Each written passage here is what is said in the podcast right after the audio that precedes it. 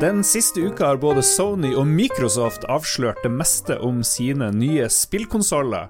Mange har allerede utpekt Xbox som den mest kraftige, men hva skal egentlig til for å vinne en konsollkrig? Velkommen til Spillrevyen med Lars og Lorentzen, der vi ser på de viktigste nyhetene fra uka som gikk. Ser på historiene bak og undersøker hvordan mediene rapporterer det som skjer i bransjen. Velkommen til en ny sending, Jon Cato. Jo, tusen takk, eh, Lars Rikard. Det skjer heldigvis litt i spillbransjen, og plutselig så vet vi nesten alt om Xbox Series X og PlayStation 5, som etter planen skal komme før jul.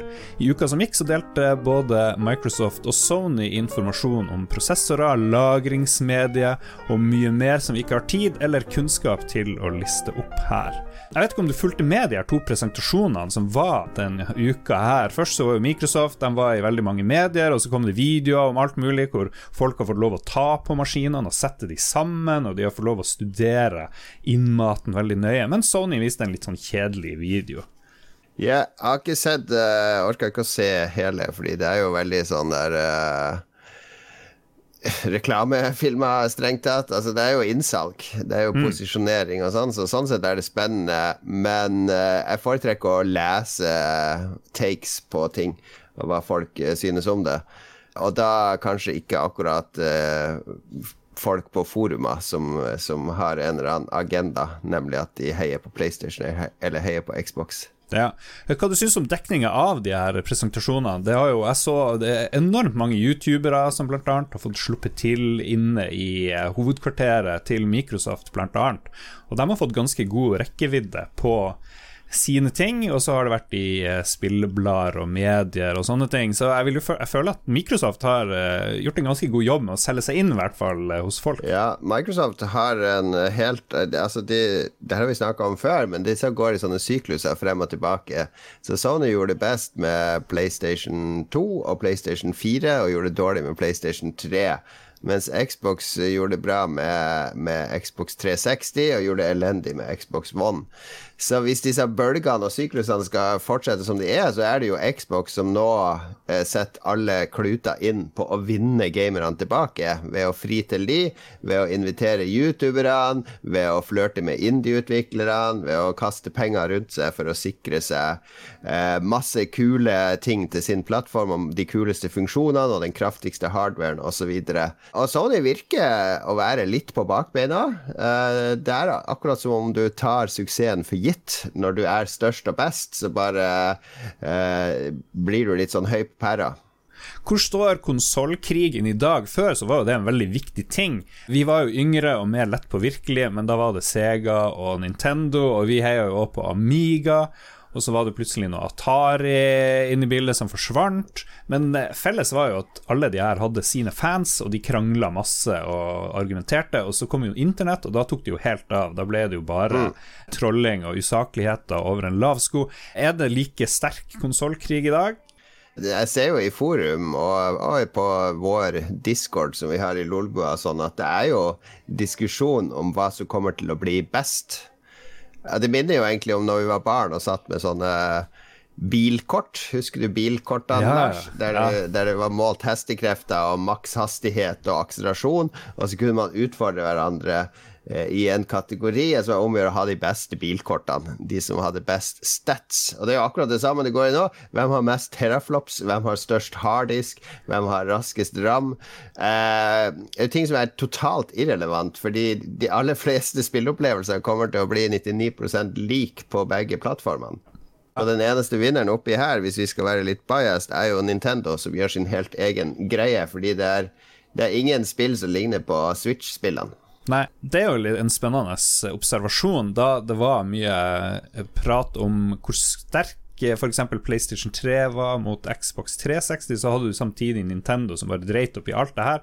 Kjørte ut en ganske hardware-tafatt eh, Nintendo Wii, og, men den knuste jo alle i en periode der.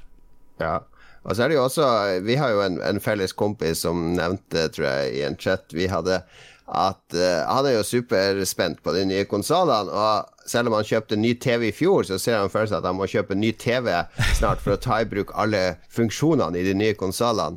Og da tenker jeg at da begynner den konsolltankegangen å uh, en konsoll var jo opprinnelig en veldig enkel måte å spille spill på. Det var enklere enn en datamaskin, fordi på datamaskiner måtte du bruke kassetter og disketter, og du måtte ha eh, ekstra hardware og ting og tang for å få ting til å virke.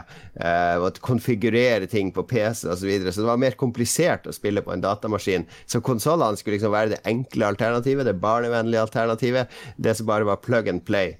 Mens hvis du begynner nå med disse neste generasjonskonsollene, at det skal komme nye TV-er til 10 000 kroner, som du, som du, må ha for å utnytte alle funksjoner, at de skal være så, så, så mye nytenkende funksjoner som egentlig har så lite å si for, for, totalopplevelsen, som går på bekostning av at det er tilgjengelig og brukervennlig, så tror jeg kanskje at de, de biter seg sjøl litt i ræva. Ja.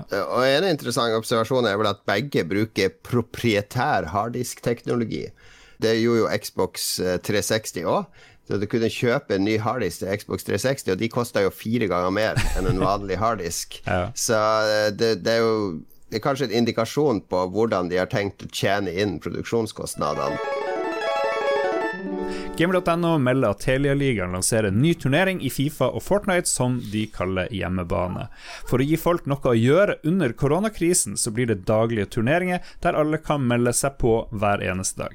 Det sier Erling Rostvåg i selskapet Good Game, og det er jo det største selskapet som driver med e-sportturneringer i Norge, og de står da bl.a. bak Telia-ligaen. Online gaming driver jo og vokser veldig nå under koronakrisen. Det tror jeg de fleste kunne spådd. Jeg ser at uh, min favorittsport, Formel 1, der er det mange førere som melder seg på å kjøre e-sport, uh, siden mange løp er utsatt eller kansellert. Steam opplever også nye rekorder. Her om dagen så hadde de én million flere spillere uh, samtidig enn noen gang. Spiller du mer nå enn enn før? Ja, mye mer. Jeg har spilt eh, masse den siste uka, fordi man sitter hjemme hele tida. Så er det jo også at man ikke har den ettermiddagslogistikken med å frakte barn hit og dit, eller bursdager man skal i, eller uh, venner man skal møte ute. Så nå møter jeg vennene på nettet og spiller mye på nett. For å høre mer om det her, så har vi tatt en prat med Erling Rostog i Good Game. E-sport og spilling er helt sikkert ikke alene om dette, eh, men jeg tror at alle typer aktiviteter som enten gir en eller annen form for eh, samling eller sosialt samvær, og som kanskje føles naturlig, da, eller som på en måte ikke sterkt forringes av å gjøre online. Det kan være viktig for folkehelsa vår framover, for vi er sosiale vesener, og vi, vi, trenger å finne noe som kan falle inn i en rutine, kanskje. At vi setter av en fast dag i uka, eller at vi føler oss som en del av et fellesskap så, så, gir det en eller annen form for tilhørighet og samhold som ikke er så fantastisk eller flott i seg sjøl, men som er noe annet enn sånn hele resten av dagen er noe. Eh, dagene blir veldig like, og, og, eh, og det å erstatte fotballtreninga eller, eller bare rutinen i å gå på svømming en gang i uka eller noe sånt noe, det, det mentale rundt det i hvert fall, det, det tror jeg blir viktig nå framover. Og der er jo da spilling og e-sport en del av greia. Så, så, jeg er egentlig veldig glad for å kunne gi et sånt tilbud til folk, da, for å føle at det er på en måte den tingen vi som har den ekspertisen, kan bidra med. Eh, men det er veldig ok å finne sin rolle i dette her, som jo tross alt krever at alle gjør det de kan. Og så tror jeg jo litt det på at øh, kanskje en del folk kan få opp øynene for spilling og konkurransespilling som en uh, litt Hva skal jeg si verdifull hobby, da. At det kanskje er en del foreldre der ute som ser hva dette gir unga deres, som ser at det, uh, dette er mer enn bare pling-plong, eller dette er mer enn bare noe som bare er for barn. Altså, voksne må jo gjerne delta i det her. At en del sånne fordommer kanskje kan få seg en liten knekk, sånn at uh, vi kan løfte litt uh, Eh, entusiasmen eh, for spilling også blant de rundt de som spiller. Det tror jeg er ganske viktig for å på en måte ja, sørge for at en hobby som tross alt en ganske stor andel av dagens unge har, da, blir anerkjent som noe skikkelig. Det kan være fint, det her, for, eh, for eh, hva skal jeg si spillings eh, generelle rykte. Akkurat nå er det Fortnite og Fifa annenhver dag, eh, som er åpne for hvem som helst. Gratis å delta. Så det er rett og slett et tilbud som vi nå i første gang kjører ut mars. Det kan godt hende vi forlenger det utover i april også. Så langt har det vist seg å være veldig populært. Vi har ikke markedsført det veldig hardt ennå. Eh, men alle turneringene har sprengt kapasitet, så vi driver faktisk og vurderer å doble kapasiteten for å få plass til flere folk. Og erfaringen er også at vi når veldig mange folk som ikke ellers pleier å konkurrere, i hvert fall ikke på vår plattform. da. Så det er veldig mye eh, rare spørsmål, veldig mye nye folk som ikke helt skjønner hvordan ting funker, eller hvordan man melder seg på, eller at man må sjekke inn for å melde at man er klar, osv. Så, videre. så vi merker på spørsmålene og på henvendelsene at på måte, det er helt, helt, nye folk. da. Eh, men det er jo litt av poenget òg.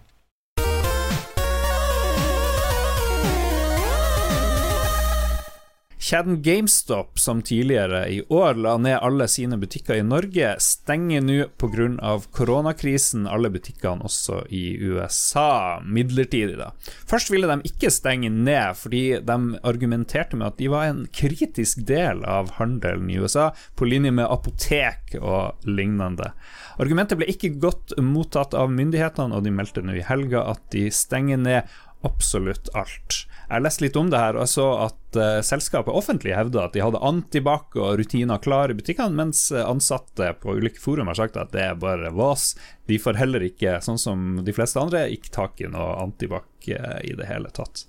Um, nå er jo ikke GameStop i USA så kjempeinteressant for Norge, men det er jo en del av en trend at de må legge ned og stenge. Og jeg liksom, uh, tenker nå at er det goodbye for GameStop og alle de her fysiske spillbutikkene? Jeg tror jo uh, korona kan være et litt sånn puff i ryggen til mange som står på stupet. Kanskje det er uh, greit å innse at uh, den type butikk Og GameStop er i dag er jo ikke det det var for 10 eller 20 år siden. GameStop i dag er jo lektøy og godteri og merch, og så er det litt spill i et hjørne. I hvert fall i de amerikanske butikkene som jeg besøkte i fjor. Sånn var det jo i Norge òg. ja, det ble jo det. Det er, liksom platekompaniet i Norge. ikke sant? Platekompaniet òg skalerte jo ned. Nå har de bare tre butikker igjen. De hadde jo ganske mange en periode, men de begynte jo som en ren CD-sjappe som konkurrerte med Free Record Shop og Akersmik, som jeg jobba i på den tida. Og de etablerte med å ha en mye bedre presentasjon, eh, virkelig fronte god musikk, så at du fant det du ikke visste at du lette etter med en gang du kom inn. Gode ukestilbud osv. osv. Og så, når musikk gikk ned, så begynte platekompaniet med film, og så begynte de med spill, og så begynte de med bøker, og nå på slutten er det masse leketøy og dill og dall. Vi handler mer på internett, vi handler mer digitalt, ikke fysiske produkter. Vi handler mer tjenester, altså Netflix i stedet for å kjøpe DVD-filmer. Så det er, det er jo helt naturlig. Og så kommer denne korona som nå gjør at vi ikke drar i butikker lenger mm. uh, fysisk, men heller bestille på nett. Og nå i Oslo, f.eks., jeg bestilte jo en brødrister nå i dag, søndag, så vi spiller inn det her, på komplett, og den får jeg levert fem timer etter jeg har bestilt på døra. det er heftig. Ja. Det, er, det er ganske sykt, men det gjør jo at du som butikkeier som har en kjede med 200 butikker, som belager deg på at folk skal sette seg i bilen eller på T-banen eller på bussen dra ned til din butikk for å kjøpe en T-skjorte med Fortnite-motiv eller eh, eh, en Nintendo Switch-kontroller eller whatever, er det liv laga å, å, tilby den type eh, opplevelse? Og dette blir en mye større debatt. da. Bør ja. vi ha fysiske butikker der vi drar til sjøl, eller skal vi bestille alt på nett? Det. Oppi alt det her så har du jo samlere. Det er mye lettere for meg å rettferdiggjøre og betale masse mer hvis jeg får en fysisk greie, kanskje med noe sånn litt dall på sida. Det er jo et behov for de her fysiske, fysiske tingene, men kanskje du bare dropper å dra i butikk og bare bestille det på nett. Jeg tror de spesialutgavene handler mer om markedsføring enn fortjeneste. Jeg tror ikke de tjener mye mer på en Call of Duty Special Edition til 1200 kroner. Jeg tror butikken stikker av en del. Eh, frakt, produksjonsselskapet osv. Så, mm. så alle spillutgivere foretrekker at folk kjøper spillene på nett. Okay. Det, det, det, genererer maks eh, fortjeneste. Vi tjener så mye som én euro per solgte Among the Sleep-spill fysisk. Oi, oi, oi. Mens vi tjener ni euro per digitale, digitalt solgte spill.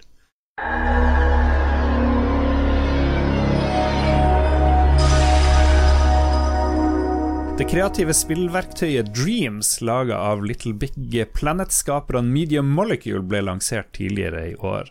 Verktøyet lar hvem som helst, eh, som legger innsats i det i hvert fall, å lage sine egne relativt komplette og fullverdige spill. Skaperen Piece of Craft satte seg for å lage et fullverdig 3D Mario-spill i Dreams, og kom ganske langt før han i forrige uke fikk brev fra Sony om at Mario-figuren han hadde laga, var fjerna fra spillet. Dreams Ja, Jesus Christ, hvor langt det var. Dreams kan fort bli et opphavsrettslig mareritt for Sony, ettersom en god del av kreasjonene er sterkt inspirert av andre sine varemerker. Hva er grunnen til at Nintendo nekter folk å lage en sånn morsom Mario-figur i et Sony-spill? Jeg ble litt nysgjerrig på det her, og så så jeg jo en video av et sånn 3D Mario-spill som var laga i Dreams, og det så jo Det var 90% likt uh, Super Mario 3D World på VU. Altså, det var Det så ut som et ekte Mario-spill, faktisk. Mm. Uh, med lyd, musikk grafikk. Altså, alt var helt likt. Eh, jeg ble ganske blown away over at noen hadde laga det som en homasj til Mario, eller rip-off av Mario, ettersom hvordan du ser det. Eh, og så skjønner jeg jo at Mario jeg tror det er ganske strenge retningslinjer på hvordan Mario skal brukes. Altså Når Ubisoft lagde det Mario-strategispillet, Mario versus Rabbits, der de fikk bruke Mario-figurene, så tror jeg ganske eh, strenge restriksjoner på hvor, hva og hvordan Mario kan posere, hva han kan gjøre, hva han kan si, hva, hva, hvordan han kan bevege seg. Alt skal godkjennes av Nintendo. Fordi det er deres sterkeste varemerke. Så at eh, fans lager spill som ser nesten 100% ut som ekte Mario-spill Jeg skjønner jo at Nintendo reagerer. Samtidig syns jeg det er litt synd. Det var en eller annen uh, fra Asia som ga ut Among the Sleep, uh, altså spillet som, som, vi eier og har, uh, som et mobilspill på IOS. altså helt forferdelig hjemmelaga ting på to dager. Mm. Som kalt for Among the Sleep, hadde stjålet logoen og grafikk og ting og tang. Som jeg fikk tatt ned. Men det var jo fordi han prøv, spillet ga seg ut for å være vårt spill. Ja vi er jo veldig åpne på at folk kan bruke den babyen eller pysjamasen eller elementer fra Among the Sleep i sine ting. Når vi feira fem år med Among the Sleep, så stilte vi jo ut masse fanart fra spillet og tegneserier. Eh, det er en fyr som har skrevet en novelle basert på Among the Sleep, som kontakta oss og lurte på om det var greit at han ga den ut i en novellesamling. Ja, selvfølgelig. Kos mm. deg. Det gjør ingenting. Bare si at det er inspirert av spillet vårt, så krever vi ikke noe mer. Ja. Eh, til slutt kan vi få se fremtidens spillskapere via et verktøy sånn som Dreams på PlayStation 4. Det virker jo veldig kraftig, spesielt hvis du klarer å lage hele Super Mario-brett som ser nesten 100% identiske ut som originalen. Det er et veldig imponerende verktøy, og relativt brukervennlig òg, men det er superkomplisert. Altså, det er noen få som bruker all sin fritid på å sette seg inn i det og lage spill der. Og da vi som lager spill, vi blir jo litt sånn hm, Burde du ikke egentlig heller lære deg Unreal eller Unity og gå rett til, eh, til de verktøyene som du kan bruke til å faktisk bli en spillskaper, i stedet for å jobbe i et sånn lukka økosystem. Men jeg tenker Dreams kunne blitt kjempe enda større hvis det ble lansert til, uh, til PC. Der det faktisk mm. sitter folk som elsker å jobbe med sånne ting. Fordi det er litt knotete å, å drive med det på PlayStation.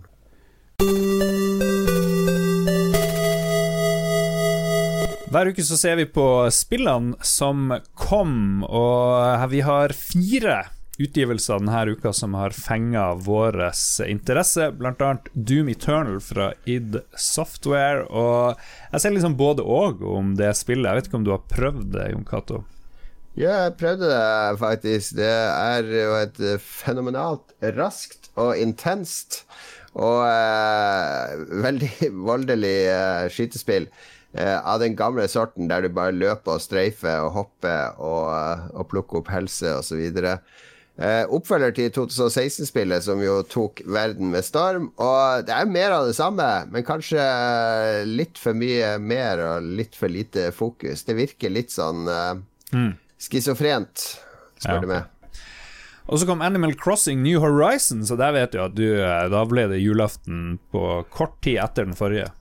Jeg og ungene Vi har laga hvert vårt hus på denne øya, og vi driver og betaler tilbake lån. Vi har oppgradert butikk, vi har fått museum. Dette er daglig Det er kamp om å stå opp først for å være den første som ser, ser hva som har skjedd på denne øya hver dag. Et veldig perfekt spill til å komme nå i disse koronaisolasjonstider, for det spillet er basically en, en, eh, ekstra verden, så du og familien kan flykte inn i, i hverdagen når man. Trenger litt sol og bekymringsfrie tider. Folk har venta og mast etter Half-Life 3, og nå får de endelig et nytt Half-Life, men det er i VR, og det kom i dag, 23. mars. Er det her noe du skal laste ned? Jeg er jo fremdeles langt unna å gidde å bry meg om noe VR. Jeg har en Oculus Quest, og det, det, den er litt for basic, tror jeg, til å bruke med Half-Life Alex. Eh, så jeg har jo lyst eh, på det der eh, Valve sitt eget uh, eh, VR-headset, men det er jo umulig å få tak i og blir ikke noe lettere pga. korona. Ja. Hva den koster, husker du det? Det koster vel 10 000 eller noe sånt. Oh, oh, Og med kronekursen nå, forget about it. Ja, glem det. Glem det. Men uh, det blir surt å lese alle anmeldelser som kommer til å gi det ti av ti, og gull og essential og sånne ting. Fordi uh, blir, Da blir det som i gamle dager, når jeg leste Edge. Hvis et spill fikk ni eller ti av ti, så var det sånn Det må jeg spille uansett kostnad. Ja. Så jeg har det heldigvis ikke sånn lenger. Ja. Men uh, det er litt, litt surt blir det. Til slutt så kan vi nevne at Teamfire Tactics kommer til Apple og Android-maskiner. Og det er jo et såkalt autochess-spill. Jeg har ikke prøvd sjangeren i det hele tatt, men nå tenkte jeg ok, hvis, jeg, hvis det funker som passe på min mobil, så skal jeg jammen meg laste det ned. Altså, alle autochess-spill funker på din mobil. Det eneste du gjør, er jo å kjøpe ting og så sitte og se på. Ja, høres helt topp ut nå i apokalypsen. Det var det vi hadde denne uka her. Vi håper du har det bra, at du holder deg inne, og at du vasker hendene, og at du passer på at foreldrene dine, hvis du har dem, og besteforeldre og venner og sånt, har det bra. Gi dem en telefon, hør hvordan det går, og hvis du sjøl sliter, så er det masse tilbud, og du kan ringe hit og dit, så ikke fortvil hvis det går dårlig. Vi er tilbake om en uke. Inntil da så kan du høre på Lolbua jubileumsepisode 300, som kom forrige onsdag, med gjester gjester som Rune Fjell Olsen og Andreas Hedemann fra nerdelandslaget. Og masse, masse kule folk som kom og besøkte meg og Jon Cato oppe i Harstad. Og så kommer en ny episode av Lolbua på onsdag. Ha det!